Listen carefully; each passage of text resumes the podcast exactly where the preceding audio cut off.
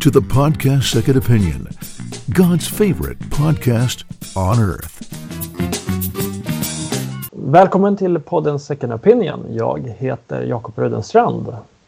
Och jag heter Olof Edsinger. Vi ska prata om ett, en rad olika frågor idag. Lite senare i det här programmet kommer jag att samtala med eh, dagens debattredaktör och ledarskribent Frida Fark om en bönedebatt som har pågått Eh, i Sverige under den senaste veckan, eller veckorna. Det är ju eh, den stora bönesöndagen nu på söndag och eh, fram till dess har det ju varit en diskussion initierad av en ledarskribent i Göteborgstidningen GT där han bland annat kritiserat politikern Roland Utbult för att tacka Gud för sitt tillfrisknande och inte vårdpersonalen. Det ämnet kommer vi att avhandla lite senare här i podden, men just nu så kommer Olof och jag samtala lite grann om en annan fråga som har varit uppe på debatt i dagen. Och det rör ju frågan om eh, hur man egentligen ska definiera Gud som fader eller som moder. Eller både och. Vad säger du Olof? Ja men precis, man kan ändå säga att debattens vågor har gått höga där eh, också under ganska lång tid och det här är ett ämne som dyker upp lite nu och då. Eh, och jag tycker att det kan vara värt att kommentera ändå hela frågan om hur vi talar om Gud och också kanske det som har varit feminismens eh, kritik av ett traditionellt synsätt där. Eh, och jag kan ju bara börja med att säga att för mig är det självklart att Gud själv inte har ett mänskligt kön. Alltså Gud är ju inte människa, han är en treenig, evig varelse av en helt annan kategori. Så att, så att redan där är det ju uppenbart att att, att det blir väldigt förminskande att tala om Gud som man till exempel. Jag tror inte att Bibeln egentligen gör det utan att eh, Bibeln använder han däremot och det kommer vi tillbaka till. Men, men redan i, i början av, av Bibeln, i skapelseberättelsen, så slår ju eh, Bibeln fast att män och kvinnor är båda skapade till Guds avbilder. Så manligt och kvinnligt ryms utan tvekan eh, i gudomen. Ehm, men sen är det så här att i vår värld och i en fallen värld mer specifikt så, så har vi ganska olika erfarenheter av varandra som människor. Och, och det finns också en, en ganska utbredd erfarenhet av eh, dåliga manliga förebilder. Och det är ju där som inte minst från feministiskt håll man har lyft fram det att det blir problematiskt att tala om Gud som han eller som far. Utifrån att, att uh, det finns många fäder och män som har, har brustit i, i sina karaktärer. Um, jag tänker egentligen att, att alltså grundfelet man ofta gör i de här samtalen det är att vi utgår väldigt mycket från att det är våra erfarenheter och det mänskliga som är mallen som vi sen projicerar på Gud. Ehm, det är en klassisk liberalteologisk tanke att det är vi som så att säga, skapar Gud, det är vi som definierar honom. Det finns ingen sann uppenbarelse utan det är bara människors tankar om Gud som vi möter i Bibeln till exempel. Ehm, men jag menar ändå att, att från, från vår teologiska utgångspunkt i alla fall så är det väldigt tydligt att det är tvärtom, att det är Gud som griper in och uppenbarar sig själv. Och då är det han som är utgångspunkten. Jag har en, en bibelvers, Efesierbrevet 3, 14 eh, och 15, där det står så här att eh, Paulus ber att han böjer sina knän för Fadern, han från vilket allt vad Fader heter i himlen och på jorden har sitt namn. Alltså, utgångspunkten i Bibeln är att det är Gud som är den fullkomlige Fadern. Eh, allt som sker på jorden är en slags återglans av det och, och även faderskap om man så vill, eller föräldraskap för den delen, eh, är ju på något sätt en slags återspegling av Guds fullkomliga föräldraskap och faderskap. Eh, så jag tänker redan där finns någonting att, att problematisera, att, att vi väldigt lätt gör våra erfarenheter till, till norm och till mall när, när Bibeln egentligen talar om de här sakerna på ett annat sätt. Jo men, jo, men så är det ju i många av våra olika diskussioner när vi försöker tala om Gud. Och samtidigt så är det ju någonting i det här som i den här kritiken av hur vi traditionellt har pratat om Gud i många, i många fall som eh, väcker uppenbarligen en stöttesten hos många eh, när man pratar om Gud som Herre, Gud som kung. Eh, för man, man har de här bilderna eh, av eh, av patriarkala system eller eh, förtryckande normer och förtryckande eh, regimer och så vidare. Och, och, då sätter man likhetstecken mellan den här fallna världen och, eh, och skaparen. Eh, samtidigt, så, samtidigt som eh, det är ju det är egentligen det omvända, det är liksom att det är den fallna världen som har Eh, och alla dess begrepp som har avvikit från den riktiga mallen, den riktiga normen eh, som är Guds uppenbarelse.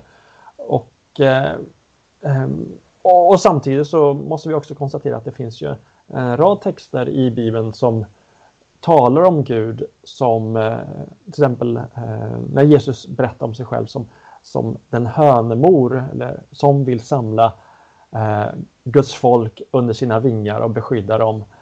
Så det finns ju en rad olika bilder där, eh, som vi relaterar till det kvinnliga eller relaterar till, till eh, det moderskapet som appliceras på Gud. Absolut, och jag tänker att, att det ska vi ha en ödmjukhet inför och det går ju tillbaka på det här som jag egentligen sa från början att både män och kvinnor är skapade till Guds avbilder. Det finns så att säga manliga och kvinnliga sidor i, i Gud utan mm. att göra Gud till bara en, en människa eller manlig eller kvinnlig i mänsklig mening. Eh, men jag tänker det finns några andra aspekter av det här och det är ju dels att um, Jesus ju i grunden bjuder in oss till sin relation med Fadern. Alltså varför är Jesus sonen och varför är Fadern Fadern? Jo, det är ju för att det är den relationen som, som råder i treenigheten i grunden. Um, och jag tror att en, en viktig hemlighet i hela det kristna budskapet ligger i att vi får komma till Fadern, till Gud, genom Jesus och på hans meriter. Eh, utifrån den seger han har vunnit över både synd och död och djävul. Eh, han lär oss att be Fader vår på samma sätt som han ber till Fadern. Eh, så att det här handlar väldigt mycket om, om sättet vi nalkas Gud på och, och om det är sant att vi nalkas Gud som Jesus och genom Jesus, då blir det också väldigt rimligt att, att se varför, varför vi också uppmanas att komma till Gud som vår far. Och jag tänker också att det finns en viss skillnad här i de här bilderna. Eh, när Jesus talar om att han vill samla Jerusalems invånare är det väl som, som, mm. som hönan samlar kycklingar under vingarna. Så påstår ju han ju inte med det att Gud är en höna. Nej, nej, precis. Utan det är som en höna. Och jag tänker att det finns liknande formuleringar. Gud är som en mor. Uh, däremot så står det aldrig att Gud är vår moder. Utan det står att Gud är vår fader. Där finns en slags distinktion att, mm. att när Gud själv uppenbarar sitt väsen för oss, eh, då använder han eh, i första hand den typen av formuleringar. Så för mig blir det också en lydnadsfråga att om nu Gud har sagt att vi ska komma till honom på det sättet, eh, då, då blir det konstigt av mig att så att säga ifrågasätta det. Och sen så tror jag att Gud är väldigt medveten om vilka bristfälliga förebilder vi kan ha i de här frågorna och att det kan försvåra för vissa som har haft till exempel en, en dålig fadersrelation. Eh, och då blir som sagt min, min uppmaning där att, att gå tillbaka till det här jag läste i Efesierbrevet 3, att det är inte våra bristfälliga fäder eller andra människor som, som ska vara vår förebild, utan de är bristfälliga eh, avbilder av, av den fullkomlige Fadern. Mm. Eh, man kan ju också säga att många av de här frågorna som har att göra med vår bild av Gud och eh, när vi utgår från väldigt mycket subjektiva erfarenheter. Eh, det subjektiva är viktigt, men det är viktigt att inte göra det subjektiva till normen. Men de väcker viktiga frågor och eh, som utmanar oss alla som troende att, att, att hantera och närma oss med, med ödmjukhet och i, med, i trohet mot skriften. Och jag tänker också att, de, att den principiella frågan har att göra med hur vi definierar Gud eller hur definierar Gud sig själv. Och det relaterar ju också till andra debatter som rör gudsbilden, inte bara den här frågan om Gud som mor och, eller far, eh, utan också hur den kristna tron relaterar till andra religioner. Eh, det har ju varit uppe nu den senaste tiden eh, böneupprop för, för att bekämpa corona till exempel. Där olika interreligiö interreligiösa sammanhang eh, och även kristna företrädare uppmanar eh, troende, religiöst troende från, från eh, muslimskt, judiskt, kristet, hinduiskt, buddhistiskt håll att, att enas i bön till Gud. Och även här så tar ju det, subjektiva i mångt och mycket vid. Hur definierar vi Gud? Som kristen så menar, menar vi ju vi att, att det är Jesus som är Gud i köttet. Det är han som förkroppsligar Gud. För en jude så, och, och en muslim så är Jesus bara en vanlig människa. Inom islam så är, Gud, så, så, så är Jesus en upphöjd profet men inte eh, överhuvudtaget Gud.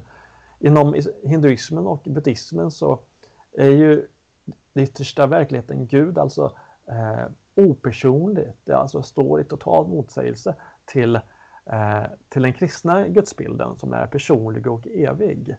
Så även här så är vi inne i, i, i en snårig, eh, i ett snårigt samtal som, som kräver ordning och reda i, på, eh, på hur, man, hur Gud egentligen talar om sig själv. Verkligen, och, och, och det går ju också än en gång tillbaka till det här med uppenbarelsen. Att, jag menar, vi tror ju någonstans att Gud han, han, han kan naturligtvis visa sig och verka i, i hela världen och i någon mening i alla religioner. Men en, mm. en slags mer definitiv auktoritativ uppenbarelse om vem han är, den, den vågar jag inte hämta någon annanstans än i, i Bibeln. Mm. Ja, och det ger en, en, begränsning också för mig vilka jag skulle kunna tänka mig att, att stå i bön tillsammans med. Mm. Uh, för det är klart att det, uh, det är viktigt om, om man gör en sån sak att man i alla fall inte sänder signalen att vi tror att, att det är same same oavsett hur vi faktiskt då eh, definierar den här guden vi, vi ber till. Mm. Sen är det också viktigt att, att eh, betona att vi är ju en mänsklighet. Att vi står inför till exempel Corona nu som en, en gemensam utmaning. Och det handlar inte alls om att, att eh, utesluta samarbeten mellan kristna och icke-kristna för att begränsa smittspridning. Det, det, är någonting som djupt mänsklig och som vi alla ska göra.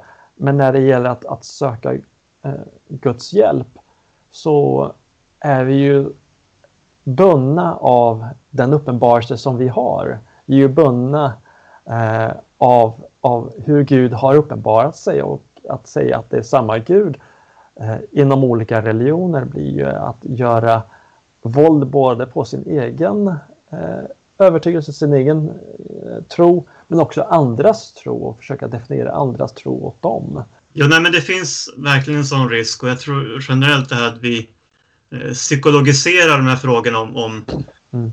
om Gud och, och, och, och, så fort människan blir utgångspunkten och liksom vi tar min erfarenhet och min mm. definition som, som utgångspunkt istället för, för Guds eh, uppenbarelse, då, då får vi de här problemen. Och det kan säkert tillämpas i många andra riktningar också, men det här mm. känns ju som två ganska aktuella exempel då. Mm. Yes, nu ska vi samtala med Frida Park om debatten om, om bön the Swedish Evangelical Alliance, Christian faith and public opinion. Tror kristna som tackar Gud för det tillfrisknande att bön utesluter medicinsk vård? Det menade, menade den liberala kolumnisten Shabba Benne Pellenberg i uppmärksammad artikel i Göteborgstidningen GT efter att KD-politikern Roland Utbult blev frisk från corona. Bland annat ifrågasatte han om det är förenligt med en riksdagspolitiker att tala om Gud och bönesvar på det sättet. Dagens ledarskribent Frida Park är nu gäst här i podden om just kristna övertygelser på plats i coronatider. Välkommen Frida! Tack så mycket! Tack! Eh, det, det är första gången som du medverkar i, den här podden så det är vi väldigt glada för att eh, vi till slut fick med dig i ett avsnitt. Hurra, premiär! Yes, premiär. Eh, och det är ju ett väldigt intressant ämne det här eftersom det tangerar ju väldigt mycket av de olika frågorna som, som du och jag och Dagen och Svenska e och Engelska alliansen arbetar med. Inte minst om, om just kristna övertygelser på plats i, i ett väldigt sekulärt samhälle. Mm. Just den här debatten som Shaba initierade efter att ha sett eller läst intervju med Roland Utbult efter att han hade tackat både eh, vårdpersonalen och, och Gud och alla de människorna som hade bett för honom efter att han hade blivit frisk från corona. Eh, var ju, blev ju väldigt intressant, samtidigt intensivt men väldigt intressant. Skulle du kunna berätta lite grann om eh, hur, hur den här debatten eh, tog form? Ja, egentligen så började den ju innan den hamnade i spalterna kan man säga. Eh, mm. Jag eh, skrev en bön på Facebook där jag skrev eh, det kan inte skada, kanske kan det hjälpa. Låt oss be för vårdpersonalen och i det här fallet också för Roland Utbult. Då hade precis nyheten kommit att Roland Utbult vårdades för covid-19.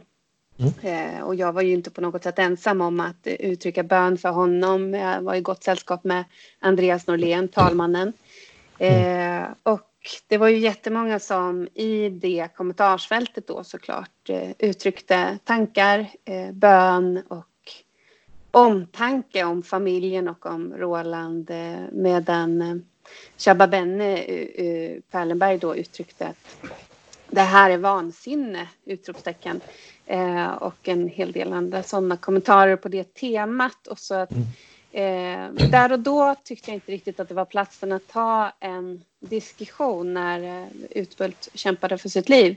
Men eh, han höll kvar i den tråden och när eh, han väl blev utskriven och också blev intervjuad då, alltså Utbult för mm. eh, i Göteborgstidningen och senare också SVT så tog han ju upp den tråden igen och det, det är väl det, det sammanfattar väl ungefär hans bild av eh, troende kristna som ber och tror på bön. Eh, mm. Det här är vansinne! Utropstecken. Men mm. debatten är intressant, för det, det är lite det som du säger, för att det handlar ju om vilken religion, eller vilken plats ska religionen ha i, i samhället i sig? Och där, eh, där är ju det här, alltså Shabba eller Perlenberg, eh, han eh, bekänner sig ju till den liberalism, han är inte ensam på något vis, som, som talar om ett sekulärt samhälle jämfört med en sekulär stat. Mm. Eh, och där är ju det problematiska i att, att först så kan vi fråga sig om de faktiskt eh, slarvar med begreppen. Menar de stat men säger samhälle eh, eftersom samhället är ju väsentligen större än staten.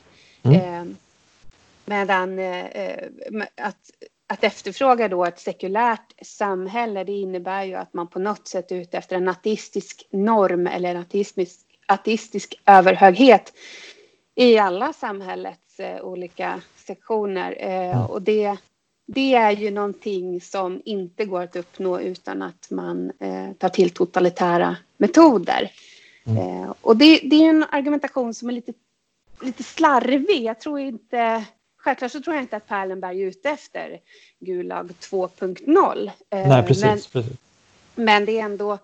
Eh, det är ju någon, man utgår på något sätt ifrån att ateismen är eh, det enda intellektuella, det enda rationella och att allt annat är icke-rationellt och inte ska ha en plats i offentligheten. Och det är ju mm. en historielös syn på många sätt och också någonting som lätt då spiller över i ett slags religionsförakt som jag tycker eh, gick väldigt tydligt att skönja i de här texterna som Perlenberg skrev då. Den första texten han skrev, den, den såg jag ju och eh, gick ju igång lite kan man säga.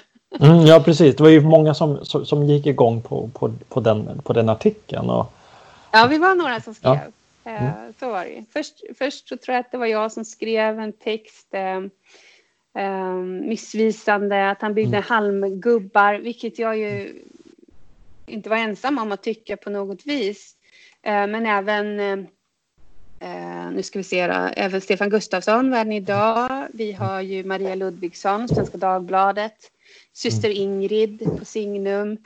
Eh, och eh, även i debattform sen, för det här är ju ledartexter då, mm. även i mm. debattform så har vi ju Mikael Grenholm med flera, mm. Kyrkans mm. Tidning och eh, eh, Torbjörn Aronsson, statsvetare och kyrkohistoriker i Dagen. Som, eh, som alla har gett svar på tal. Men, men jag ska säga också det, det är lite intressant, det är inte bara kristna som har reagerat mm. på Perlenbergs texter utan det är också eh, personer som normalt bekänner sig till en liberal ideologi eh, till vardags som eh, reagerar och eh, också markerar mm, emot mm, mm. Den intolerans som de mm. menar att Perlenberg uttrycker mm. i sin text. Och Precis, det är ju många som, som på Twitter har, har, har formulerat sig och mm. i, sociala medier och så. Um, så det, det, är ju välkommen respons till uh, de här, det här uttrycket som i sig egentligen inte är kännetecknande för just för alla liberaler. Det är liksom en vissa liberal som det handlar om. Samtidigt så är det också någonting som överlappar uh, bland många vänsterdebattörer. Det var ju inte så länge sedan som eh, civilminister, eh, eh nu, nu har han ju en annan portfölj, men Ardalan Shekarabi uttryckte det så i Agenda att vi lever i ett sekulärt samhälle där mm. Eh, religionen i huvudsak ska vara en privat sak. Mm. Eh, så... Det är lite roligt då att han själv sen uttrycker det. Ja. Någonting om bön som jag skrivit om i dagen, men absolut. Ja. Det, ja.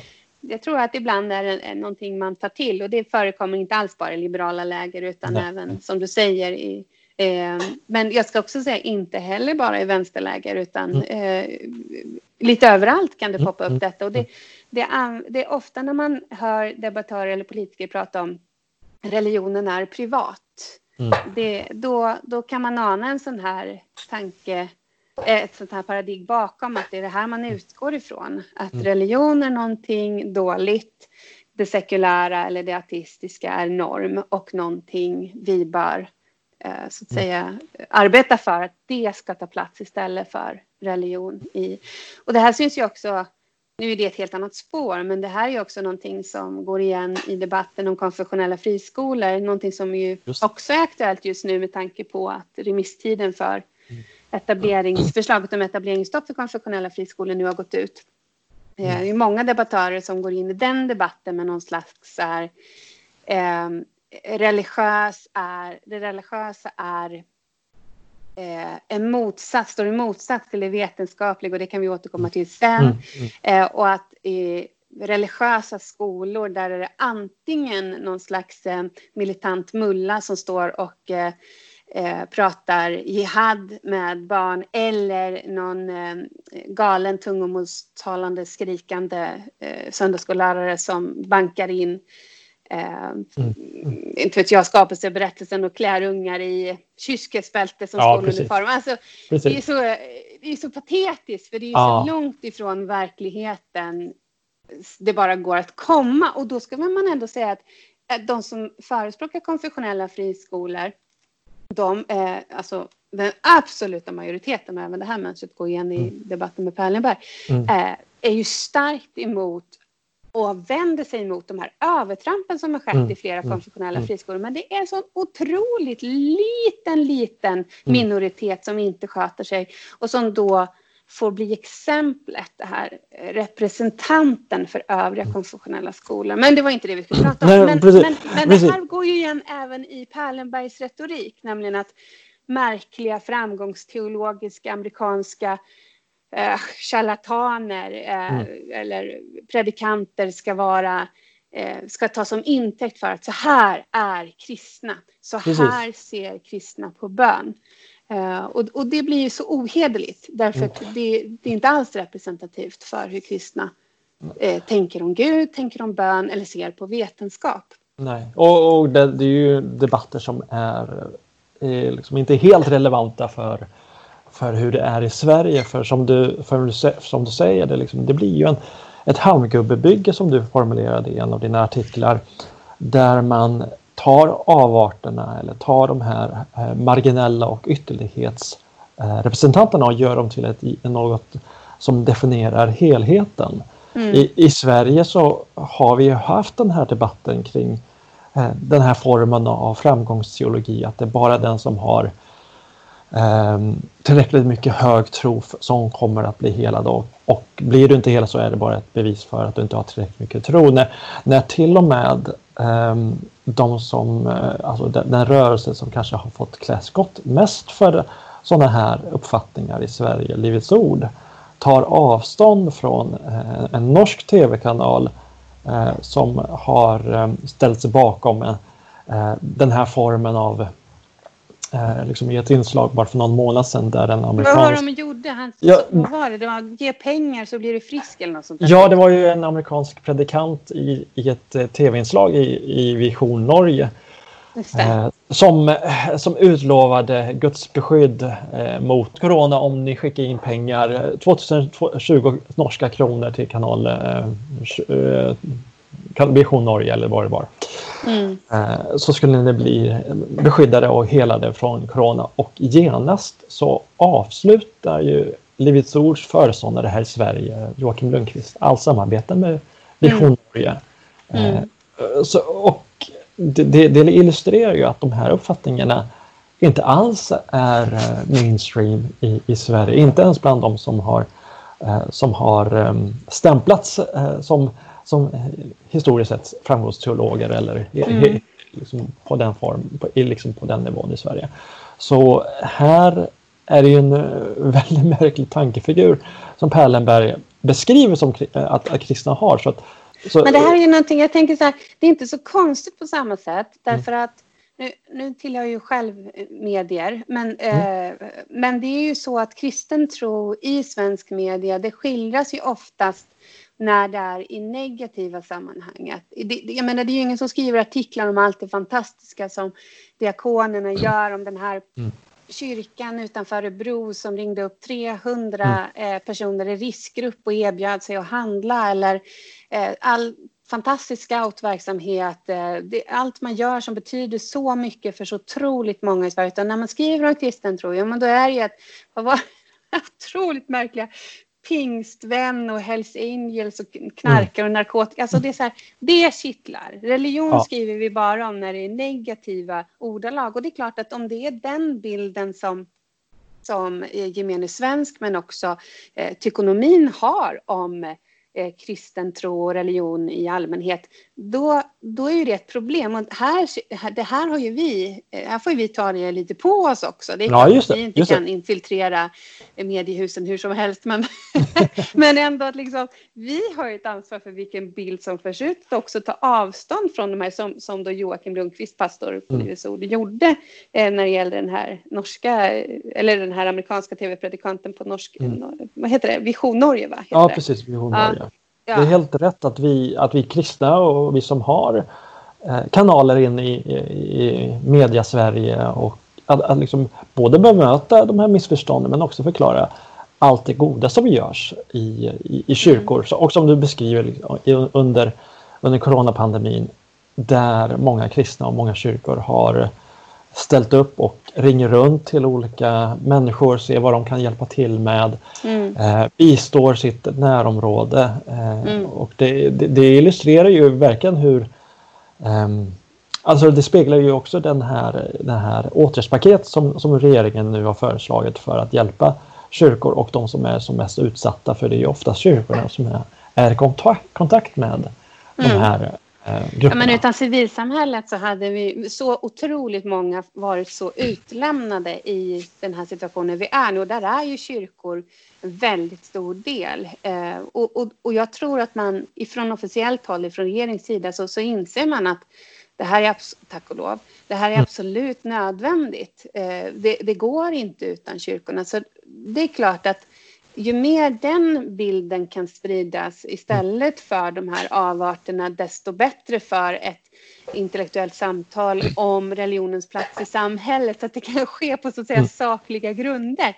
Men det som Perlenberg också tar upp och som det på något sätt är huvudfrågan, eller det finns ju fler saker att ta upp, mm, men det är mm, ju det här eh, eh, kan man vara kristen och tro på vetenskap? Eller jag tror på vetenskap, men alltså att ja. bekänna sig till att vetenskap är bra och någonting vi ska lita på. Mm, mm. Och, och det, det är en tankefigur som, som är så tröttsamt tråkig och mm, mm. historielös. Och jag, förlåt, mm. jag går igång på det här. För att, ah, ja. jo, jag, jag, jag, jag såg någon, någon bild, ja, ja, det gör du med. Jag såg någon bild på, det var någon som hade gjort en grafik, det var lite kul, på nobelpristagare, alltså kemi, medicin, ah, ekonomi, biologi. Hur många utav dessa har en slags tro. Eh, mm. Och jag menar, det är ju, det är ju inte en liten majoritet. Alltså det, vi pratar ju, nu kommer inte jag ihåg siffrorna så jag ska inte ljuga om dem, men det är en sån otroligt stor majoritet av dessa som är troende och av dessa de allra, allra flesta då kristna. Eh, mm. och, och detta är ju, detta är ju liksom någonting som sällan framkommer här i Sverige. Här är ateismen norm, här är det sekulära en norm. Och något vi glömde säga, Jakob, det är ju en, en, några till som har tagit upp den här frågan. Och det, om det var idag eller igår, ja, som den här ja. tankesmedjan, Peters tankesmedja tog upp. Ja, just det, till radio, radioprogrammet Tankesmedjan Precis. i P3. Och just utifrån det vi tar upp nu, nämligen att mm. här är ateismen norm. Här ser man det som att eh, eh, ja, men, vad, vad är det de säger? Jag ska ta upp citatet så jag har det fram, framför mig.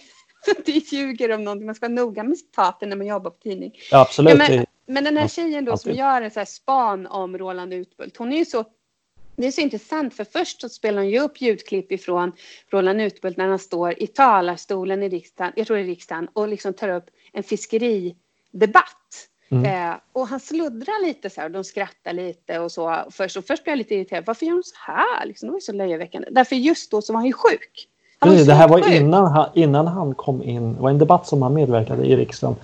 Innan han lades in för Exakt. Alltså han står ju där och är dålig liksom. Mm. Så. Eh, och först blev jag så här, men vad håller de på med? Liksom, ska jag göra narr av honom? Han är sjuk. Men det var inte alls hennes poäng. Utan hennes poäng var ju sen liksom att att visa att den här idén om att troende politiker kan vi inte ha i, i samhället eller riksdagen eller kommunfullmäktige därför att de ägnar ju all sin tid åt att be. Den idén är ju befängd, vilket härmed är bevisat eftersom Roland ändå steppar upp i talarstolen svårt sjuk och mm. tar den här viktiga fiskeridebatten. Det var lite fyndigt liksom. Ja, just det. Eh, och istället så är det ju liksom hedningarna, hon syftar ju på Perlenberg här, som är besatta att prata om Gud. Att det liksom, de vill propsa sin tro på andra. Eh, och det andra stackars Roland har gjort är att han har bett för att bli frisk och att han tackar de som har bett för honom. Mm. Mm. Och det, det, är lite roligt ändå att, att jag tycker ett positivt tecken i mm. den här debatten som ändå har varit att det är inte bara de kristna som markerar mot Perlenberg, utan det kommer lite här och var. Man börjar inse att det här är faktiskt inte rimligt, de här. Tongångarna som kommer. Liksom. Men det, det tycker jag är positivt. Det illustrerar ju också det läge som vi befinner oss i. En, en del har ju talat om just att vi håller på att gå in i ett eh, liksom, postsekulärt eh, tillstånd i, i, i, det svenska samhället. Där man under väldigt lång tid, i, om vi tittar långt bak i Sverige, haft en haft en liksom, luthersk statskyrka och sen väldigt snabbt har ändrat till ett, en dominerande sekulär ideologi i samhället. Och det har ju närmast tagit för given för att av, mång, många, många liksom, i etablerade sammanhang, politiker, journalister och så vidare. Ehm, jag, jag, jag försökte själv på Twitter utmana Perlenberg och fråga honom att, att eh, du, du, du förväntar dig att, att, att de som är kristna ska motivera sin, eh, sin övertygelse när det gäller hur Gud ska relatera till, alltså tron på Gud ska relatera till samhället. Men du förväntar inte själv att motivera din tro på det sekulära samhället utifrån dina övertygelser. Och det illustrerar ju lite grann av att vi haft ett läge där, och fortfarande har på många sätt, eh, eh, människor som som utgår från ateismen eller det, det sekulära livsåskådningen som, som en norm. Mm. Eh, och, men, samtidigt, men, men att det egentligen inte är det, men att och det är fler, allt fler som faktiskt upptäcker det eller börjar skönja det på något sätt. Och det, här, det är ju det här eh, inslaget i tankesmedjan ett, ett, ett exempel på. Mm. Att det är många ateister som pratar mer om Gud, det de inte tror på, eh, mer än, än vad troende kristna faktiskt gör. Och, och det, det är en väldigt intressant utveckling. Eh, nästan så att man börjar nästan tro att, att eh, eh deras icke-tro, trygghet i deras icke-tro börjar ruckas på. Just det, att de känner sig utmanande och där, ja. där ja, behöver markera. Ja, men mm. absolut, så kan det ju vara. På, på samma sätt som att vi blir provocerade när några ja. liksom, provocerar Precis. våra världsbilder. Alltså, det är ju tecken Precis. på någonting. Man Alla reagerar och säger, nej, vad det här? Liksom, det här ruckar om, då måste jag markera. Liksom. Lite mm. så. Och det här som du säger att, att liksom, det, det tröttsamma bilden av att, eller bilden av att, att kristna skulle vara vetenskapsfientliga eller mm. inte tro på liksom, vetenskapens framsteg har varit bara, bara det som du nämner att, att eh, alltså, vi kan ju ta, ta alla de, som, som, eh, de kristna som faktiskt arbetar som läkare och vårdpersonal och sjuksköterskor. Ja, liksom en oproportionerligt hög andel aktiva mm. i, våra, i våra kyrkor som arbetar inom den sfären. Och sen ja, har vi också, också det, det historiska argumentet att det var i liksom, gudstroende eh, kristna eh, och människor i en kristen kontext som, som förde fram na eh, naturvetenskapliga eh, upptäckter. Eh, och startade sjukhus. Startade sjukhus. Det var ju kyrkan först med. Så var ju absolut. Kyrkan var ju först där. Så det... ja, men så vi kanske för en, för, alltså man hoppas ju att den här debatten ändå på något sätt kan liksom, kan vi slå fast nu en gång för alla att nej, kristna vänder sig inte mot vetenskap.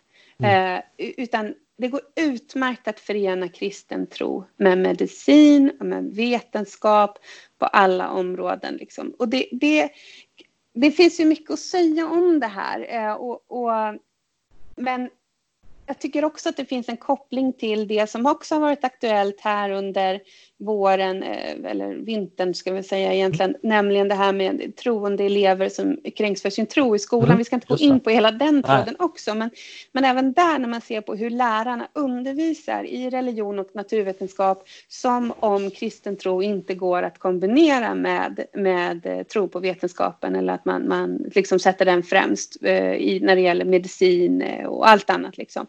Och, och, det blir så fördomsfullt och dessutom så, så de här eleverna mår ju jättedåligt av det. Mm. Så det finns ju liksom tragiska konsekvenser mm. av ett sådant synsätt som Perlenberg och, och, andra ger uttryck för. Man förstår inte att dessa fördomar eh, slår så fel.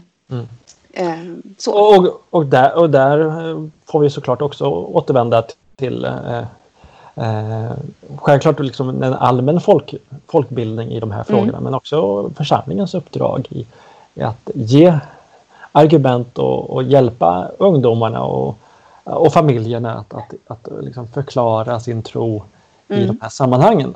Och, mm. Men, men, men sen, sen till syvende och sist, det här är ju inte, att, det är inte sätt att urskulda den offentliga skolans dess ansvar att, att lärarna ska vara professionella och, och kunniga i... Nu är ju, de flesta är ju det, men i, de, i det här fallet så har vi ju sett en, eh, frapperande eh, okunskap och fördomsfullhet. Mm. Mm, som drabbar elever. Men det, det jag skulle vilja se här, det vore ju en dröm ifall man skulle kunna få något så fortbildningspaket om det.